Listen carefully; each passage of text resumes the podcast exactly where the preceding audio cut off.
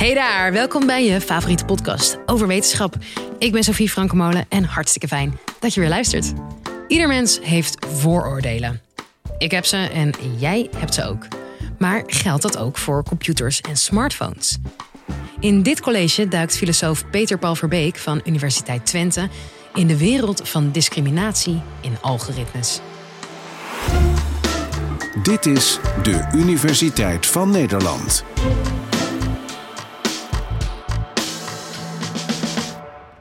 Stel je voor, het is 2017 en je werkt op de personeelsafdeling van Amazon. Je krijgt dagelijks honderden cv's voor je neus en dan moet je grondig doorheen om zo de beste mensen te kiezen om aan te nemen. Dat kost natuurlijk heel veel tijd, dus besluit het bedrijf om het eens heel anders te gaan doen. Jullie gaan artificial intelligence inzetten. Kort gezegd, een computer om dit werk over te nemen. Je stopt alle cv's die je de afgelopen jaren verzameld hebt in de computer en die gaat vervolgens op zoek naar de beste kandidaten. En dan ga je. Voor vijf vacatures voor een manager hebben maar liefst 500 mensen gesolliciteerd. Heel veel dus. Je gooit de cv's in de computer, je leunt rustig achterover en laat de ene en nullen het werk doen. Even later kom je terug en de vijf perfecte kandidaten zijn gekozen. Maar zodra je die namen en de achtergronden van de mensen ziet, krap je jezelf toch wel even achter je oren. Waarom zijn het nou allemaal witte mannen van middelbare leeftijd? Wat bleek nou? De computer bleek vrouwen niet zo leuk te vinden. En dat komt door het algoritme. Gelukkig heeft Amazon er uiteindelijk voor gekozen om hun personeel toch maar niet te laten uitzoeken door een computer. Maar de situatie laat wel goed zien dat AI behoorlijk grote problemen kan geven. Daarom wil ik je in dit college graag meer vertellen over artificial intelligence. En geef ik antwoord op de vraag waarom vindt de computer witte mannen die Peter heten het leukst.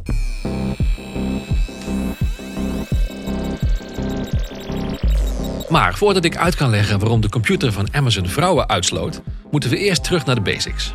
Wat is artificial intelligence? Ook wel AI of kunstmatige intelligentie genoemd. En hoe werkt het? Kort gezegd is kunstmatige intelligentie de overkoepelende term voor systemen of machines die de menselijke intelligentie nabootsen. Dat doen ze met algoritmes. Voorgeprogrammeerde instructies die een computer meekrijgt om hele grote hoeveelheden data te analyseren op patronen, op samenhangen. We kunnen het vervolgens wel pas AI noemen als die algoritmes door middel van machine learning zichzelf trainen om steeds slimmer te worden en steeds sneller patronen te leren herkennen. Vandaar de naam kunstmatige intelligentie. Dus je hebt AI, algoritmes en machine learning. Alle drie zijn weer anders, maar ze zijn wel onlosmakelijk met elkaar verbonden. Luister maar eens naar dit fragment waar de techniek achter AI, machine learning dus, duidelijk wordt uitgelegd. Als we het tegenwoordig hebben over AI, dan hebben we het eigenlijk voornamelijk over de leermethode achter AI. Machine learning, oftewel automatisch leren. Door een systeem heel veel voorbeelden te geven, kan het die herkennen en daarna zelf keuzes maken. Stel, je wil een systeem leren het onderscheid te maken tussen een hond en een kat. Dan laat je hem duizenden plaatjes zien waarvan jij zegt: dit is een hond. Heeft het systeem al deze foto's geanalyseerd en biedt je een foto aan zonder iets te zeggen, dan kan het systeem zeggen: dit is een hond. Of een kat. Oké, AI kan door middel van machine learning dus patronen herkennen. Laten we om het te verduidelijken nog eens naar een ander voorbeeld kijken: een boerin met een bedrijfje waarin ze sla verbouwt. Haar grootste nachtmerrie is om erachter te komen dat haar sla vol komt te zitten met ziektes die zich over de andere kroppen kunnen verspreiden en zo de hele oogst in gevaar kunnen brengen. Nou dachten wetenschappers, dat kunnen we voorkomen door middel van AI. Ze trainden een algoritme met machine learning door het een gigantische dataset van 50.000 afbeeldingen te geven om 26 verschillende slaziektes te kunnen onderscheiden. En wat blijkt? Het algoritme kan nu helemaal zelfstandig op tijd ziektes opsporen in deze kroppen sla. En ook voorkomen dat die ziektes zich verder kunnen verspreiden. Dus boeren kunnen nu heel makkelijk met een appje op hun mobieltje checken of hun sla ziek is of niet. En via deze app kan het algoritme ook weer heel veel nieuwe data tot zich nemen en op tijd achter bijvoorbeeld nieuwe varianten van deze slaziektes komen. Het algoritme is dus de hele tijd bezig om zichzelf verder te ontwikkelen en slimmer te worden. Dit is een positieve kant van AI. Want zieke kroppen slaven komen, daar is niemand op tegen. Maar laten we nou teruggaan naar het voorbeeld van Amazon. Hoe kan het nou dat het algoritme dat zij hebben gemaakt het liefst alle banen aan mannen gaf? Dat komt omdat er tijdens het maken van zijn algoritme iets insluipt wat wij in de wetenschap bias noemen. Bias betekent ook wel zoiets als vooroordeel. als je erover nadenkt, de meeste mensen hebben vooroordelen. Ik heb ze, jij hebt ze zeker ook. Dat is eigenlijk heel normaal, want je kijkt als mens onherroepelijk, onvermijdelijk vanuit een bepaalde bril naar de wereld. Maar als deze vooroordelen te groot worden in een algoritme, dan wordt het een probleem. Toen ze bij Amazon met AI een algoritme gingen maken, moesten ze daar, zoals ik net heb uitgelegd, eerst heel veel voorbeelden in stoppen. En laten die voorbeelden van Amazon nou net niet heel voordelig uitpakken voor vrouwen. Snel een situatieschets. De techwereld is al heel lang een wereld waar vooral heel veel witte mannen werken en waar vrouwen veel minder makkelijk tussenkomen. Dus toen Amazon het algoritme ging trainen door het duizenden cv's te geven van de mensen die het de afgelopen jaren goed deden binnen Amazon, ging het mis. Het algoritme was getraind met data over de mensen die in de afgelopen jaren succesvol waren in het bedrijf. En dat waren vooral mannen met een heel specifieke achtergrond. Onbedoeld ging het algoritme daardoor meer mannen dan vrouwen selecteren en ontwikkelde het dus zelf ook een vooroordeel. Terwijl ook andere cv's natuurlijk een prima basis kunnen zijn voor een succesvolle loopbaan bij Amazon. Dus terwijl het algoritme alleen maar de beste mensen dacht te selecteren, bevestigde en versterkte het onbedoeld het seksisme in de techwereld waar nog steeds veel minder vrouwen dan mannen werken. Kijk bijvoorbeeld naar de situatie in Nederland. In 2020 waren er meer bestuurders van grote bedrijven die Peter heten dan dat er bestuurders vrouw waren. Dus als we een algoritme zouden bouwen om nieuwe bestuurders aan te nemen en we voeden dat de data van de huidige bestuurders, dan is de kans groot dat het algoritme een Peter geschikter gaat vinden dan een vrouw. Nou heet ik zelf toevallig ook Peter, maar laten we dat maar buiten beschouwing laten.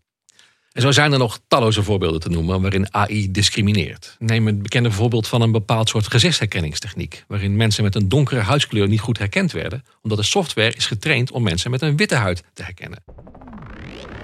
AI zelf is eigenlijk niet bevooroordeeld dus, maar de data die je het geeft vaak wel. Om onwenselijke bias te voorkomen is het belangrijk dat filosofen en ethici zoals ik meedenken in het design, in het ontwerp van AI. We moeten als samenleving na gaan denken over waar AI precies in onze maatschappij past. Zodat we kunnen gaan kijken hoe we de algoritmes als het ware kunnen opleiden. Kunnen opvoeden bijna, om dit soort fouten te voorkomen. Daar zijn gelukkig manieren voor.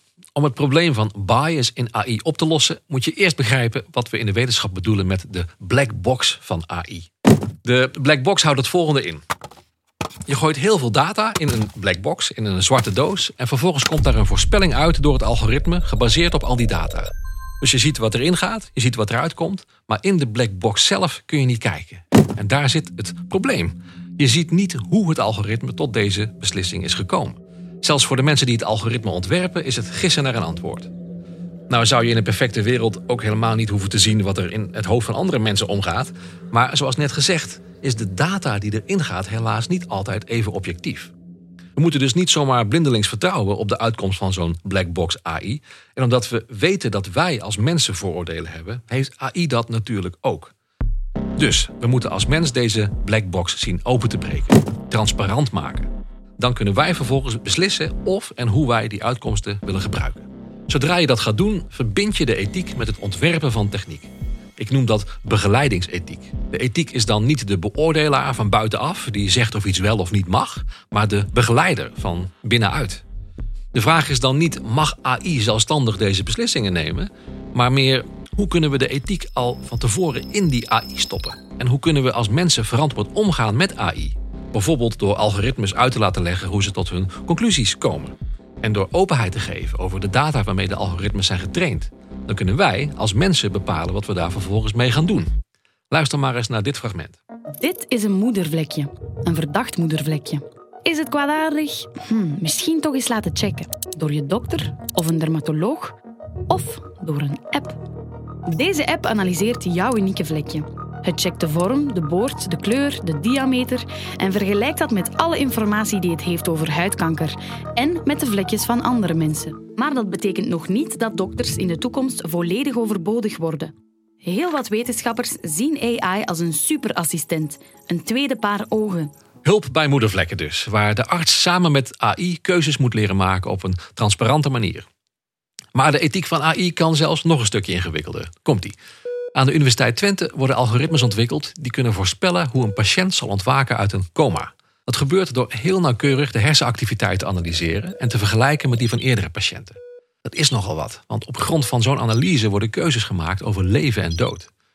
Als je nu nog zekerder weet dat iemand niet meer menswaardig zal ontwaken, kies je er dan eerder voor om iemand te laten doodgaan? Als ethicus en filosoof kijk ik daarom niet alleen maar naar hoe wij de techniek beïnvloeden, maar ik wil juist ook kijken naar hoe de techniek ons beïnvloedt. Technologie beïnvloedt niet alleen maar ons gedrag, maar ook ons denken. Het geven van een verdoving bij een operatie bijvoorbeeld werd ooit gezien als iets immoreels. Iemand in slaap maken en dan het lichaam openen, dat werd echt gezien als not done. Dat deed je gewoon niet. Tegenwoordig zou het juist andersom zijn. Het voorkomen immoreel zijn om iemand zonder een verdoving te opereren.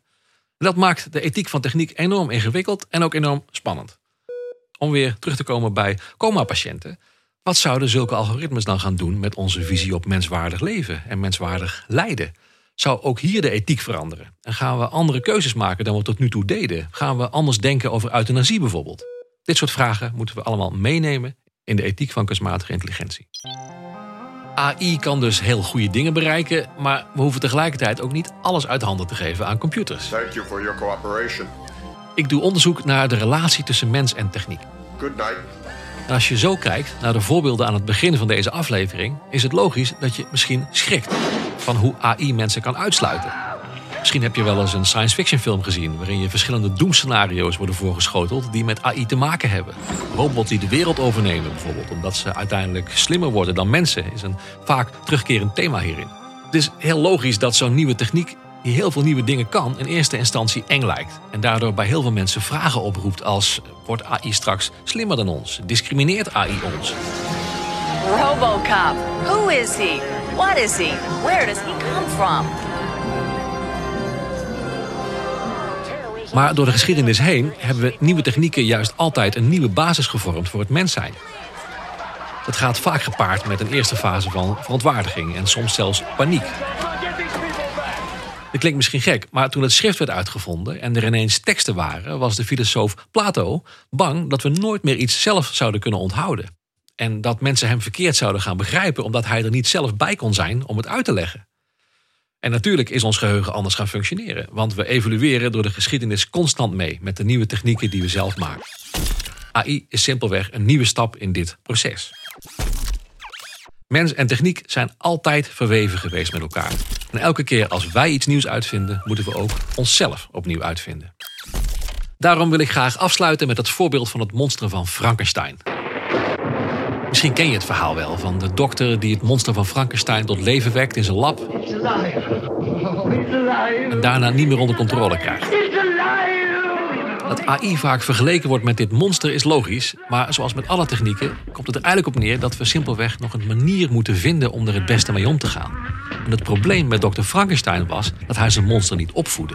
Hij creëerde iets, maar keek er eigenlijk niet meer naar om. Hij werd er zo bang van dat hij erbij wegliep. Filosofen en ethici moeten dat dus juist niet doen. Die moeten er bovenop zitten om te kijken hoe wij AI willen ontwerpen en gebruiken in onze samenleving. Thank you for your cooperation. Dus, om terug te komen op de beginvraag, waarom vinden computers en in dit geval AI witte mannen die Peter heten het leukst? Nou, dat komt omdat de meeste AI gemaakt wordt door mannen en getest wordt op mannen.